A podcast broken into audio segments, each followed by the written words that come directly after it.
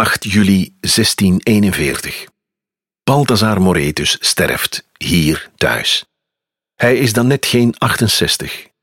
Balthazar is de kleinzoon van Plantijn en dus de derde generatie in de uitgeverij-drukkerij. De grote Rubens is een vriend van hem.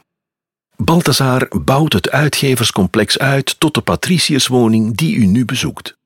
Schilder Willeboorts Bosgaard krijgt de opdracht hem op zijn sterfbed te portretteren. Bij begrafenissen pakt een rijke familie uit met haar status. De Moretussen geven bij de dood van Balthazar grote schenkingen aan kloosters en de armenzorg. In ruil zullen mensen bidden dat Balthazars ziel naar de hemel gaat. Lijkbidders, klokkenluiders, muzikanten, bakkers, kleermakers, lofdichters. Allemaal worden ze ingehuurd om van de uitvaart een groots evenement te maken.